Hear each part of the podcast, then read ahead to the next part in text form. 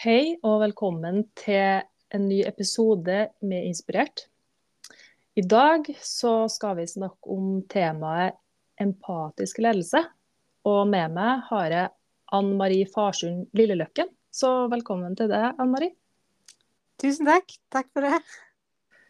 Kan du starte med å fortelle litt hvem du er og hva du gjør om dagene?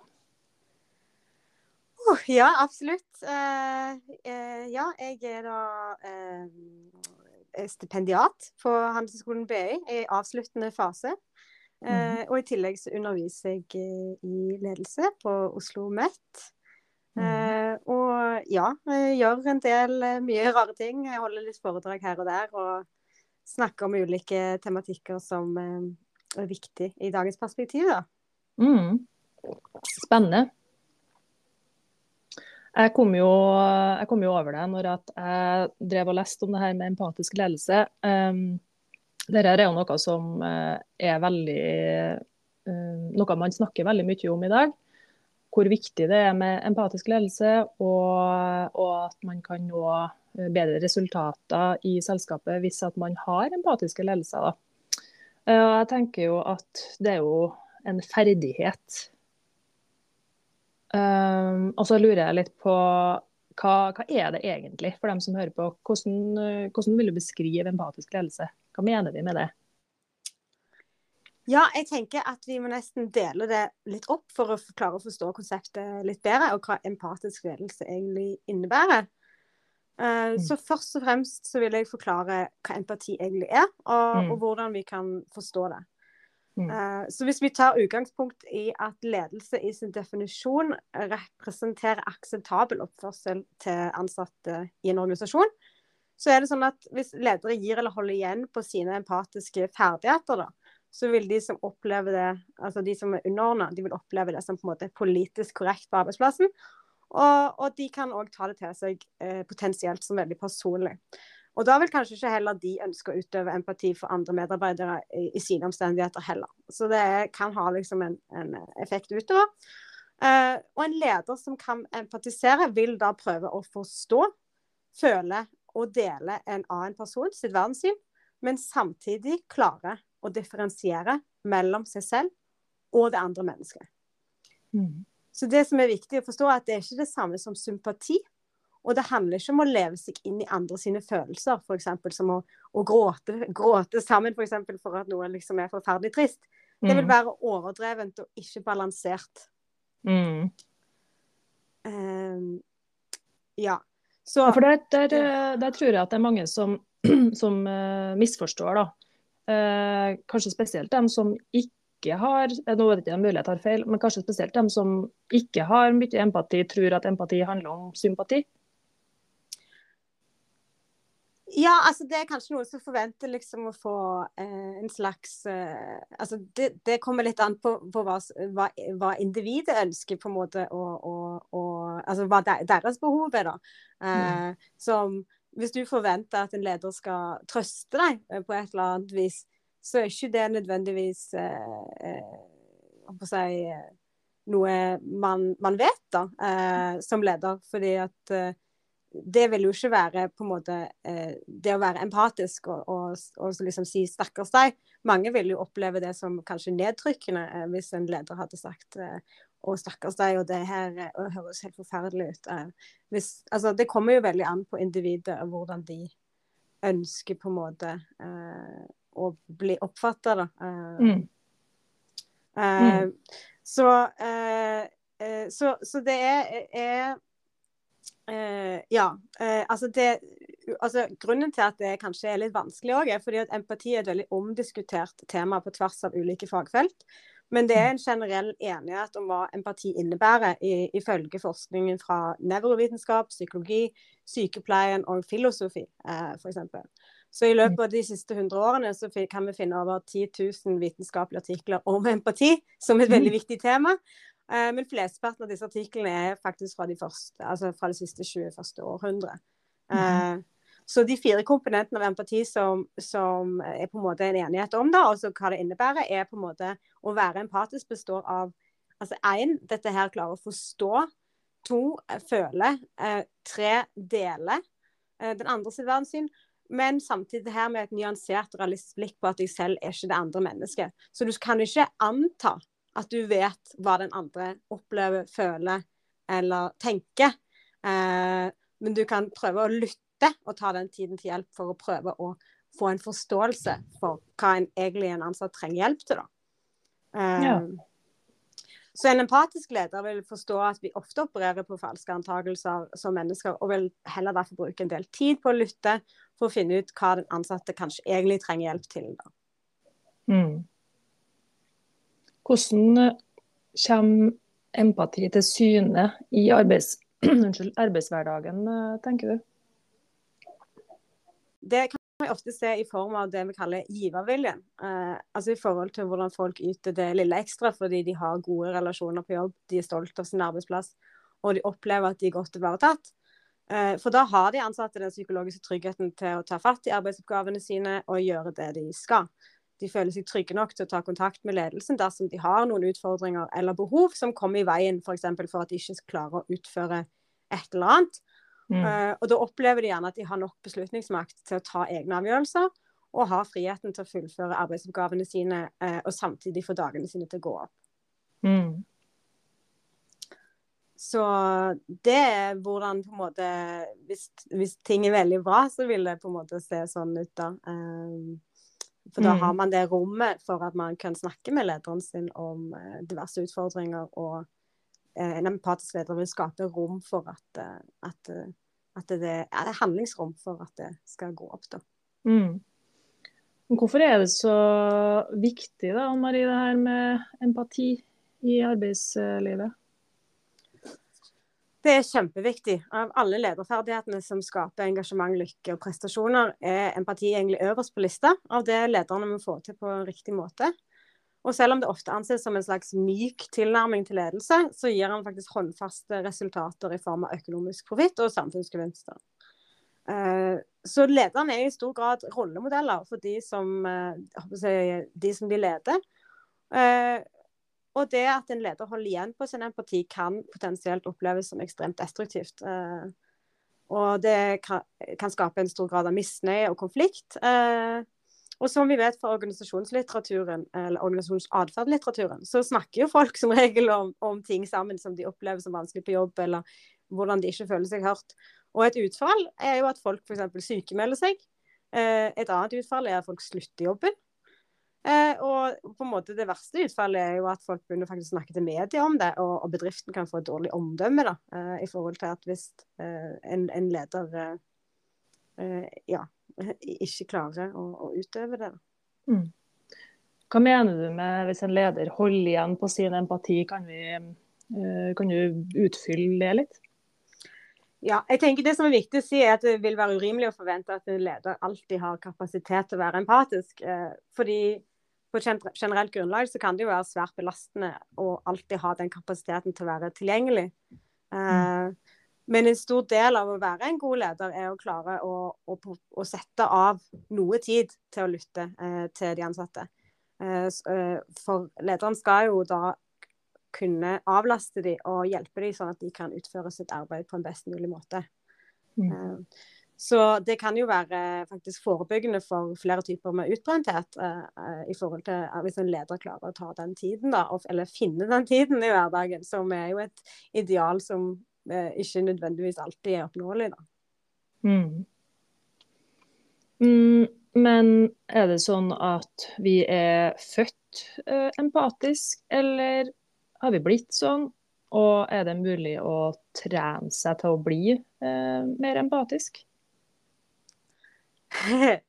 ja, jeg tenker der spør du, spør du godt. Uh, og svaret finner vi en plass imellom, imellom på en måte det. Født eller blitt sånn. Uh, så empati som et trekk har generelt sett hatt en ganske stor nedgang fra 1979 til 2009, viser en mm. stor metaanalyse.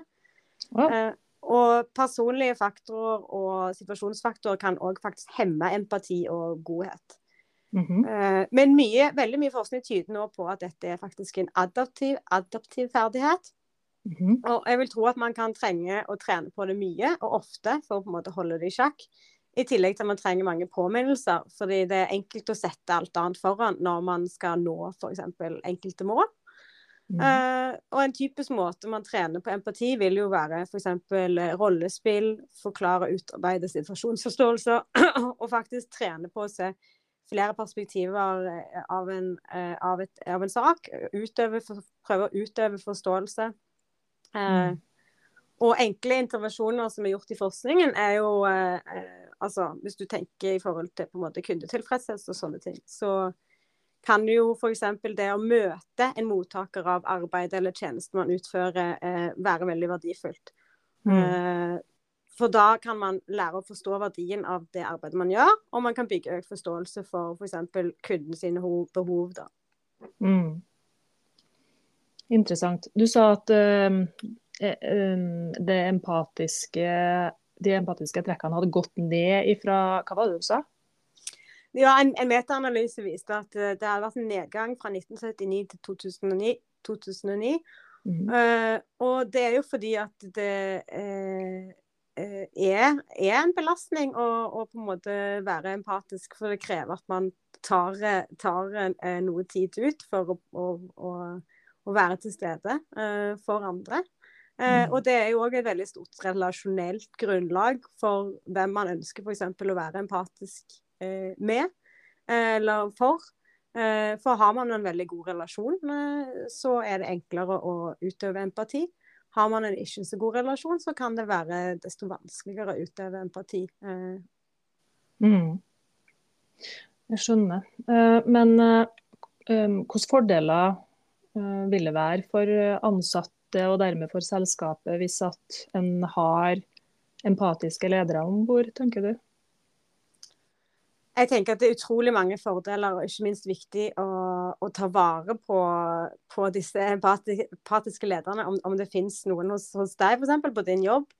Eh, for det, disse, disse, disse ledelsesskikkelsene det er de som bryr seg, og de som gir eh, potensielt omsorg.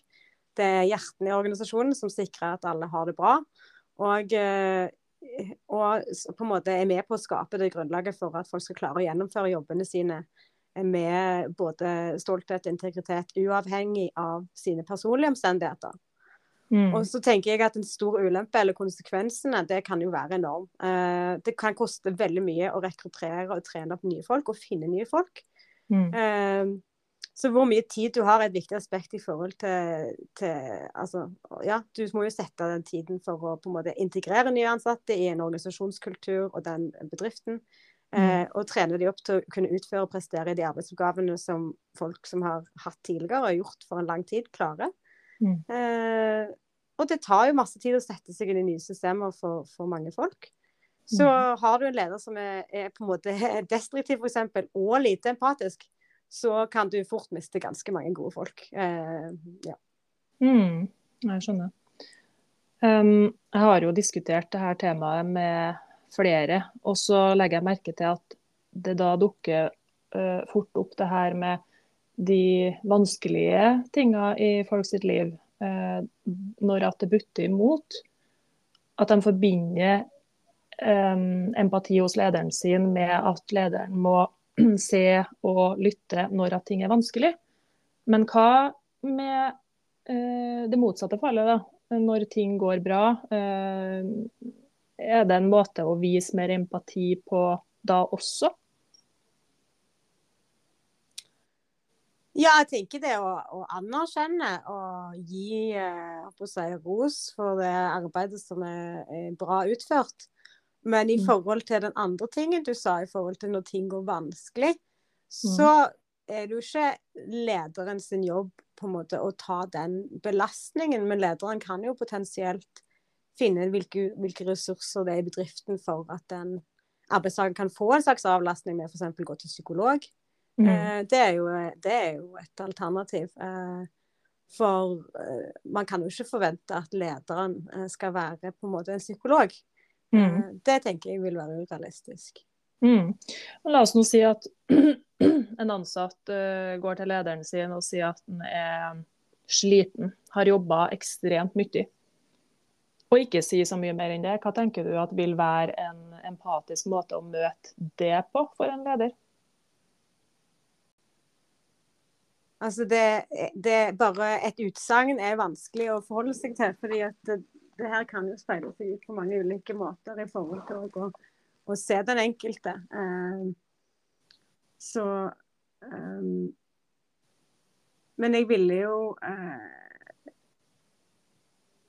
Da ville jeg jo kanskje satt av tid til et, uh, et, skikkelig møte og prøve å forstå mer om hva som, hva som, hva som skjer. Og mm. passe på at vi kan finne en måte på at denne personen kan få noen form for restitusjon. Mm.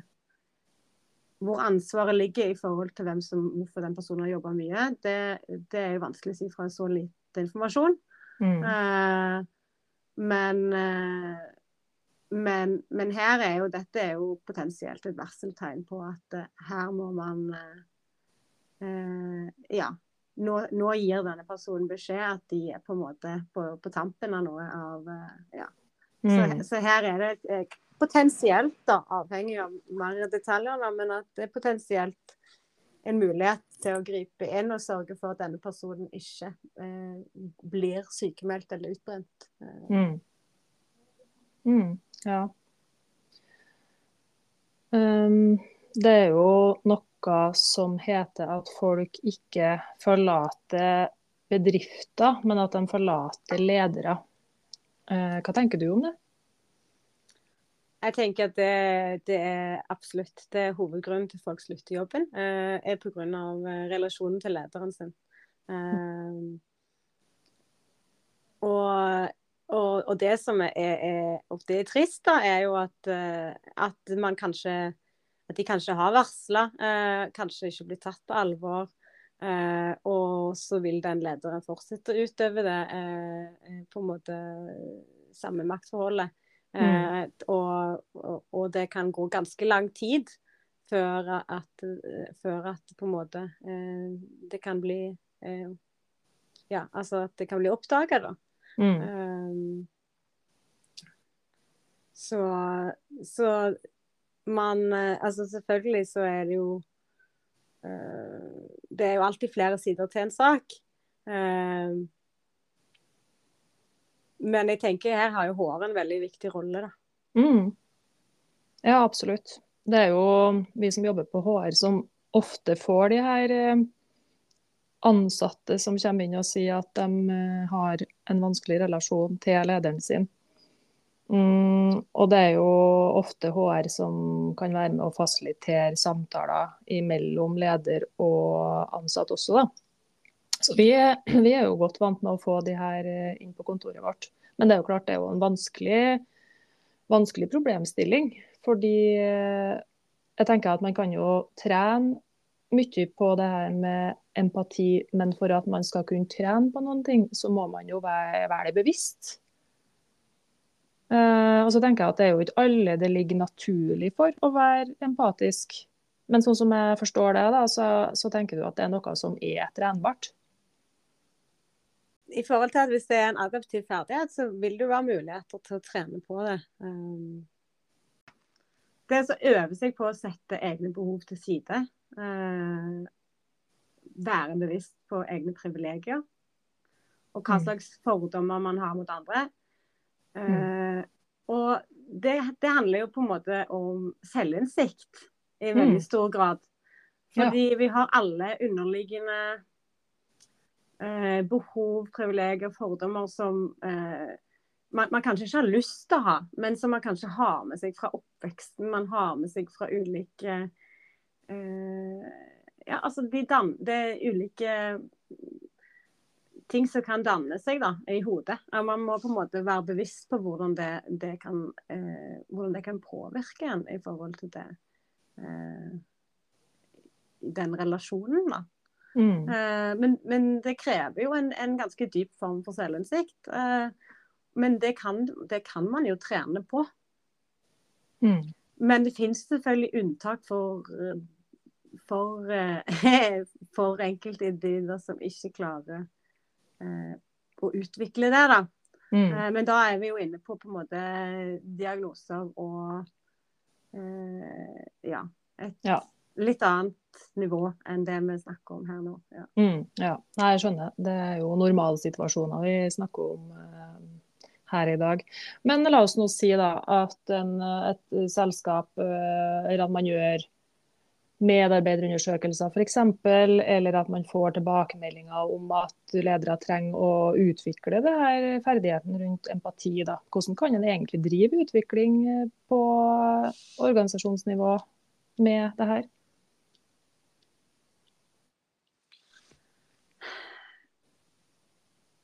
Jeg tenker at gode rom og rollemodeller uh, og det å dele historier som har innvirkning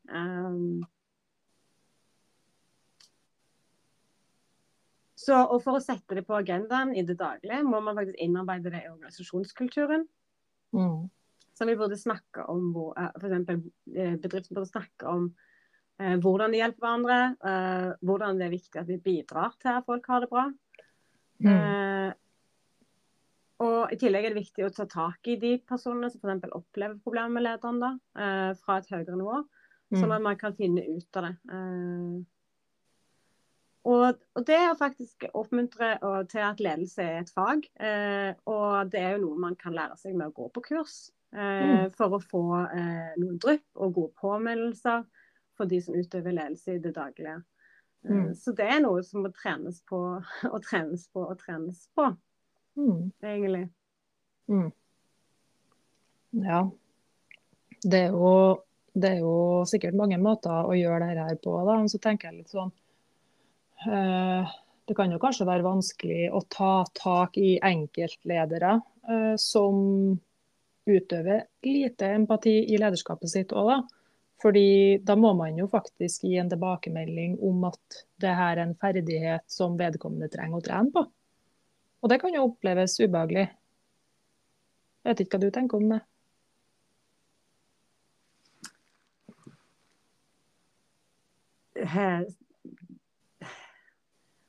Altså, alle er jo eh, til en viss grad kritikkverdige eh, og må eh, klare å ta imot feedback. Vi lever jo på en måte i et forbedringssamfunn hvor vi skal forbedre oss.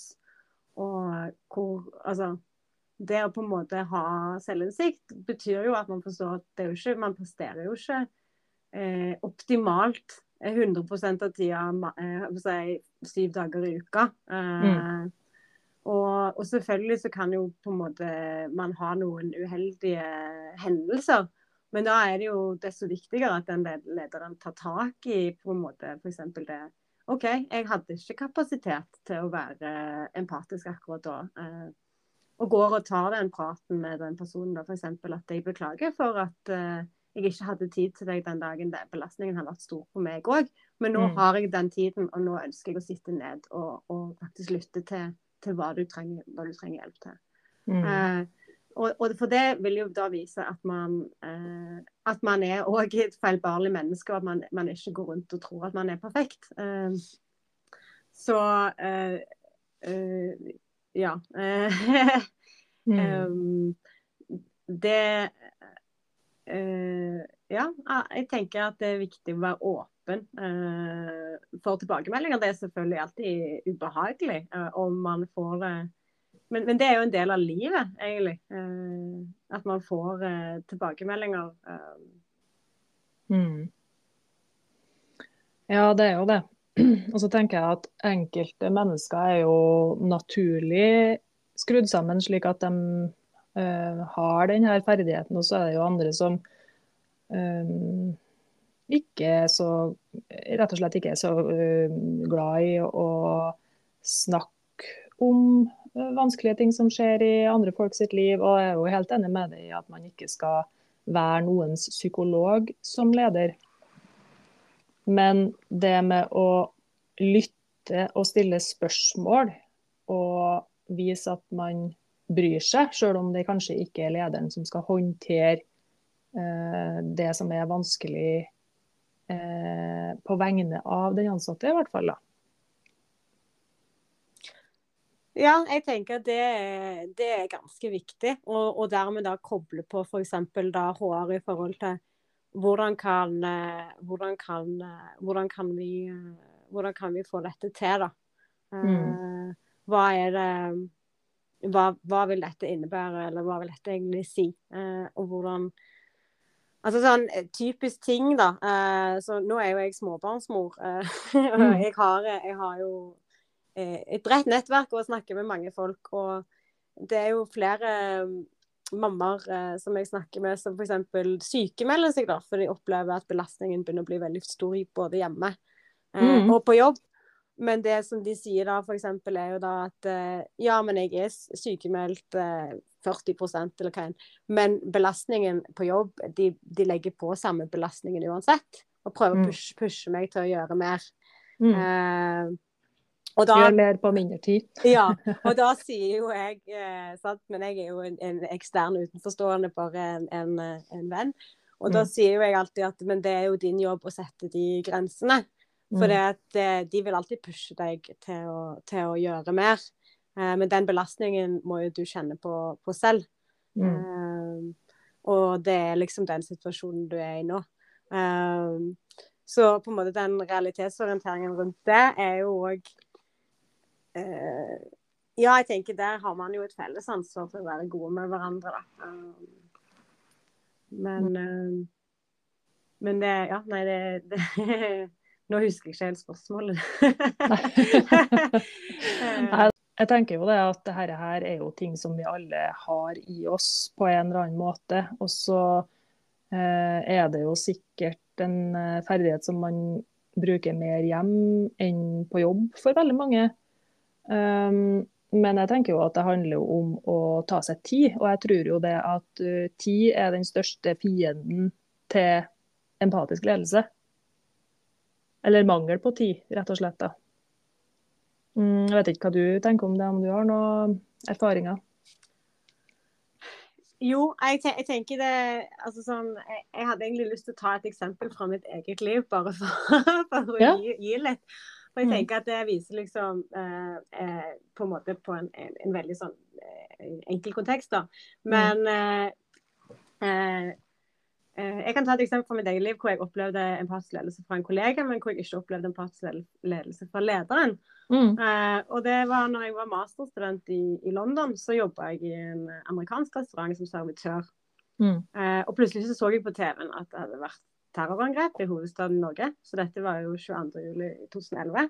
Mm. Og jeg stoppa jo helt opp for, eh, for å se på overskriften på TV-en. Uh, Mm. Og prøvde å finne fotfeste i hodet, tenke meg over hvordan, hvordan eventuelt kan dette påvirke noen jeg kjenner. Mm. Og, sant? og det, det, er jo naturlig, vil jo være naturlig for de fleste. Dette var Norge, dette er mitt hjemland. eh, og det er jo ganske surrealistisk, selv om det hadde vært flere terrorangrep i London på dette tidspunktet.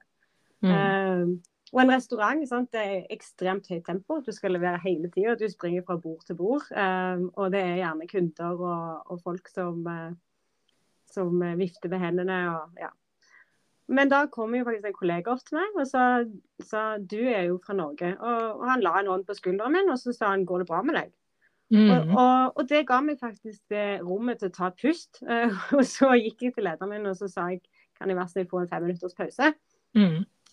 Men da fikk jeg beskjed om å fortsette å jobbe, eh, og det gjorde jeg jo. Ja, ikke sant? ja. Så, men resultatet ble jo til at jeg jobba ut kvelden eh, og ga en skriftlig oppsigelse. Eh, for det var på en måte det var toppen av eh, det, var toppen av, av det som hadde bygga seg opp i forhold Mm. til denne lederen på Mm. dette tidspunktet. Eh, det var mye, mye, mye mer problemer med denne lederen eh, i forhold til hans lederstil. Mm. Men jeg jobba de vaktene som var, jeg, og satt opp, og så fløy jeg hjem til Norge for å delta i den roseparaden. Og så rapporterte jeg eh, alt jeg hadde opplevd til den øvrige ledelsen, Mm. og, og takka for muligheten til å jobbe i den eh, restauranten. Eh, og det tok ganske lang tid, Mm. men eh, til slutt fikk denne lederen da sparken. Eh, og eh, ja. Ikke sant? Så da ble jeg et slags mellomledd i forhold til, til de andre som hadde opplevd ting som begynte å ta kontakt med meg. Og det var ja, en helt tilfeldig ting, da. Um, Mm. men, eh, eh, men det er liksom det er ikke Av og til er det fem minutter som skal til da, for at uh, man kan unngå uh, For folk har ganske høy toleranse òg. overfor, overfor det at f.eks. lederen ikke har den tiden, eller har, har eh, Ja.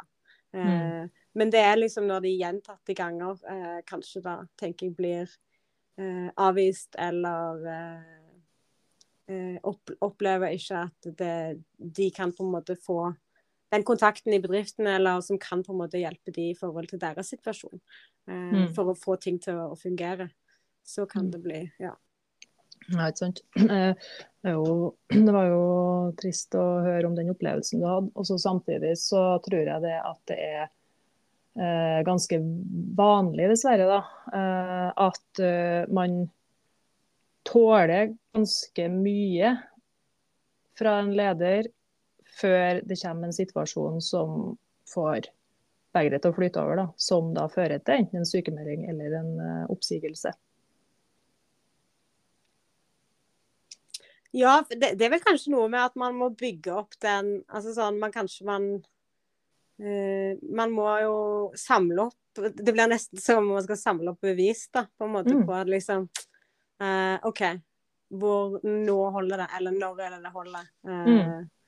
Uh, men hva tenker egentlig du da, som HR-person? Liksom, hvordan, hvordan, ville du, hvis du på en måte veileder en bedrift, hvordan tenker du at hva, hvordan, hva, ville du oppfordre de ansatte til å gjøre da, uh, for å på en måte unngå det? Mm. Det er jo noe som uh, har gjort flere ganger. og Hvis at en ansatt kommer til HR og sier at en opplever utfordringer med at lederen uh, er uempatisk. Men da må jeg jo egentlig si at fra mitt, eh, fra mitt arbeidsliv så har det nok mest handla om at de ikke føler at de får noen tilbakemeldinger fra lederen sin, verken på godt eller vondt. Vil si at uh, de føler at de jobber mye og gjør mye bra ting, men aldri får noe feedback på det fra lederen sin. Og det her med utvikling er jo viktig for ansatte. At de føler at de får lite mm, på hvor de står hen, og hvordan de skal komme seg til nye mål eller utvikle seg. Og så er det jo også dette med tilbakemelding på, på de tingene som kan utvikles. da. Og at de tilbakemeldingene må oppleves eh, som relevant for den ansatte. Og så er det jo selvsagt innmeldinga at det skjærer seg skikkelig mellom eh, ansatte og ledere. Og da blir det jo straks litt eh, Da er det jo sånne spesielle saker, egentlig. Men eh, mitt råd er jo alltid at man må kommunisere om det som faktisk er utfordringa. For hvis man ikke klarer å legge problemet på bordet, slik at både ansatt og leder forstår hva det handler om, så klarer man heller ikke å løse noe. Eh, så hvis en eh, ansatt hadde kommet til meg og sagt de her tingene om at jeg føler at den eh, her lederen min ikke ser meg eller ikke gir meg noen tilbakemeldinger, så hadde jeg nok først og fremst ville råda den ansatte til å ta en prat med lederen sin og prøve å være ja, og rett og slett gi en tilbakemelding til lederen på hva det er man opplever, og hva man skulle ønska at ble gjort istedenfor. Eh, da, hvis man eh, Et veldig vanlig eksempel fra min arbeidshverdag er jo at folk er sliten. Mange som sliter med at eh, det er for mye å gjøre i forhold til den kapasiteten man har. da. Og man kjenner på at lederen ikke ser det eller anerkjenner det eller prøver å hjelpe til å løse det på noe vis. da. Så da er det å det her med å, hvis man sier til lederen sin at jeg har, har hatt veldig mye å gjort i det siste og er kjempesliten og føler ikke at jeg klarer å prestere på topp sånn som ting er nå. Da tenker jeg at lederen må ta seg tid til å lytte, eh, spørre ut hva er det som gjør at du har jobba så mye. Eh, hva er det som brenner, som gjør at det er vanskelig. Eh, hvordan kan jeg hjelpe deg å prioritere, sånn at du kan fokusere på de tingene som er viktige her og nå. Og hvordan kan jeg støtter deg i at du klarer å legge fra deg de tingene som ikke er viktige her og nå. Eh, så det er litt sånn å gå inn og fasilitere eh, mellom ledere og ansatte òg, hvis det er vanskelig å prate sammen. Mm. Og så er det jo i de tilfellene der det rett og slett eh, går så langt at man må kalle det for en konflikt mellom leder og ansatt. Da er det jo gjerne enten ting som har foregått over tid, eller at det er ting som oppstår plutselig som er ille, da. Som, eh, som aktiverer da kan det jo være greit å få litt bistand fra HR til å se på hva er det som er den egentlige saken, og hva er det som er følelser, rett og slett. Prøve å plukke det litt ned og se på hva som egentlig er problemet. Jeg vet ikke om det gir noen mening for det. Jo, absolutt. Absolutt. Altså, fordi altså det jeg, jeg, bare begynner å tenke på litt sånn Altså, du kan jo ha altså sånn at noen virkelig har så sterk samvittighet og vil prestere og er så opptatt av å være flink, da, f.eks. Mm. Og at lederen på en måte er òg nesten har, fått et slags relasjon til den personen fordi at de er veldig flinke, da. Mm. Og så kan du jo eh, Og så er det liksom den Når er det vi når er det vi stopper med å være så flinke? Eh, mm. Fordi at nå, er det, nå har det gått litt for Altså, hvis du tenker på at du har optimal performance, da, og så kan du på en måte være i overdrive. Mm. Eh, så hvordan er det man får den til personen tilbake til optimal performance? Mm. Uh, men altså, det kan, kan du spille seg ut på ganske mange ulike måter. Men uh, spennende, å høre hvordan, hvordan du som HR-person tar tak i det. Da. Det var veldig lærerikt for meg. Takk. Mm. Men akkurat det du nevner der, da, med at folk er så flinke, det tror jeg faktisk er en kjempereell utfordring i dag. da.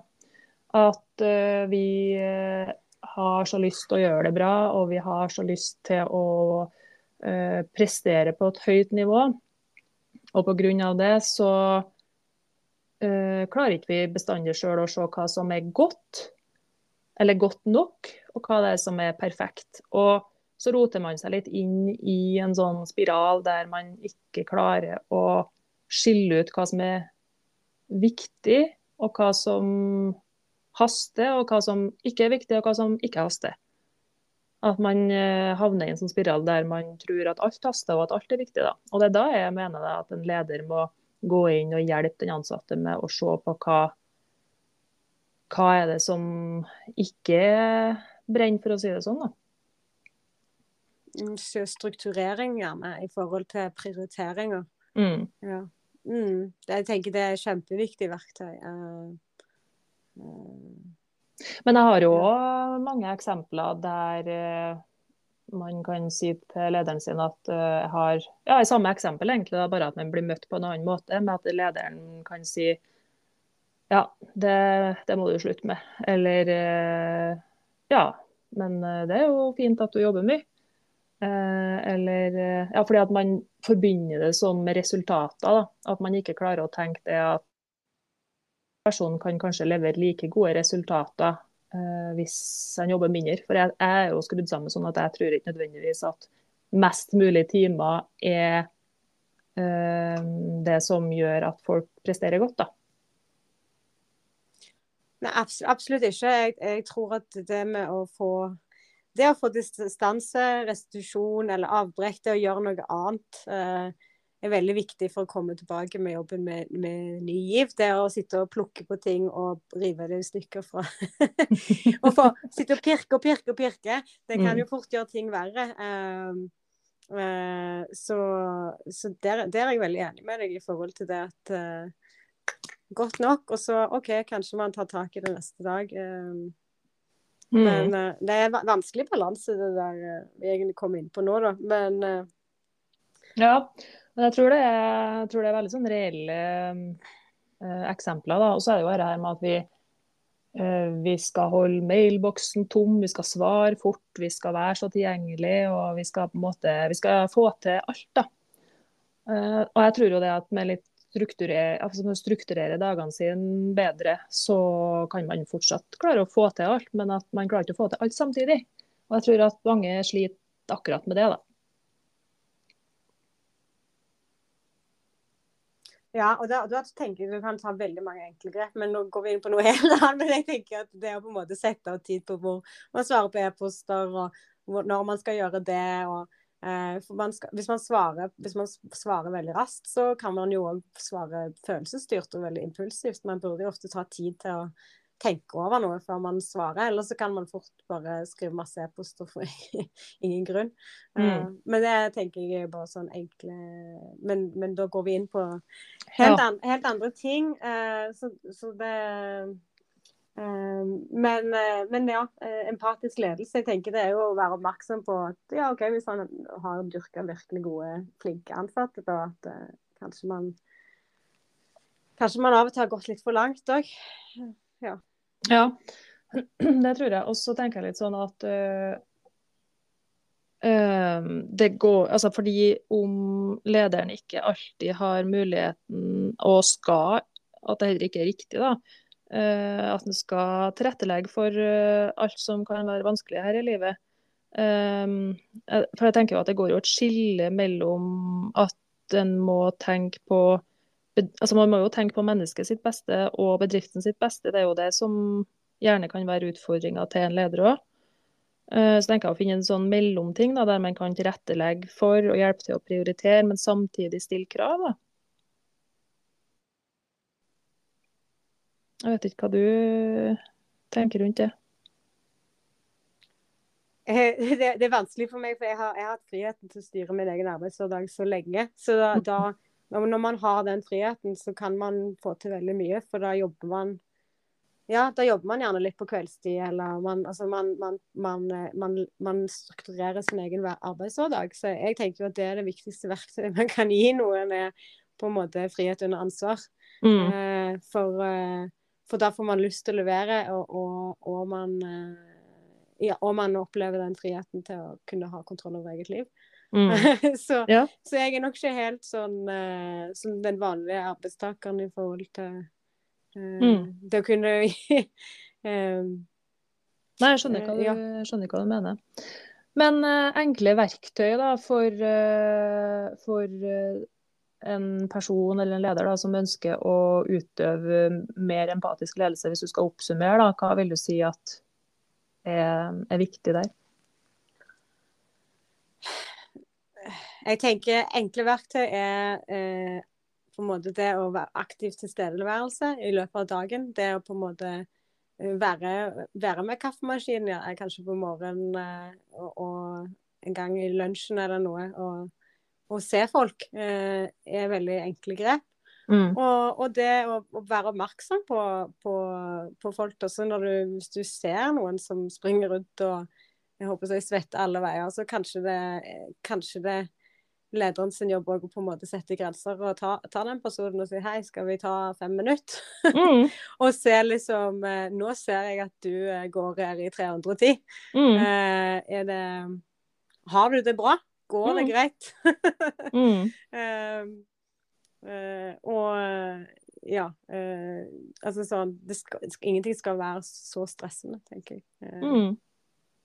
Og så tenker jeg jo, jeg vet ikke om jeg har riktig, da, men uh, jeg tenker jo at uh, kunsten av å stille kunsten ved å stille spørsmål da, Jeg bare vet med meg sjøl at hvis at jeg møter nye mennesker um, og har en uh, samtale med dem, og de aldri stiller noe spørsmål om meg eller mitt eller hva jeg gjør, eller ting som angår meg, da opplever jeg dem som uempatisk og, og også litt egoistisk. Så jeg tenker jo at hvis at en leder stiller spørsmål om sine ansatte, enten om det går på hvordan man har det, eller hva man holder på med for tida eh, på jobb, eh, eller om ønsker om utvikling, hvordan man skal komme seg dit. Og de tinga her, da. Kan det være en måte å vise mer empati på? Jeg tenker absolutt. Det å Ja, altså du altså, det vil jo være en fordel å vite hvem som jobber for deg. og uh, ja, har, har, du det, ja, har du hatt det fint, fint i fin vinterferie, f.eks.? Uh, uh, og, og ikke minst altså, det å anerkjenne, anerkjenne altså, og si tusen takk for det bidraget. Det var fantastisk det bidraget du gjorde i det seminaret eller eh, den presentasjonen. Mm. Eh, det var veldig opplysende, og det hjalp oss løse den, det problemet på en veldig god måte. Så mm. takk, takk for det. Mm. Eh, en liten takk går en veldig lang vei. Mm. Men ikke bare tusen takk. Takk for hva er det du gjorde, da? Mm.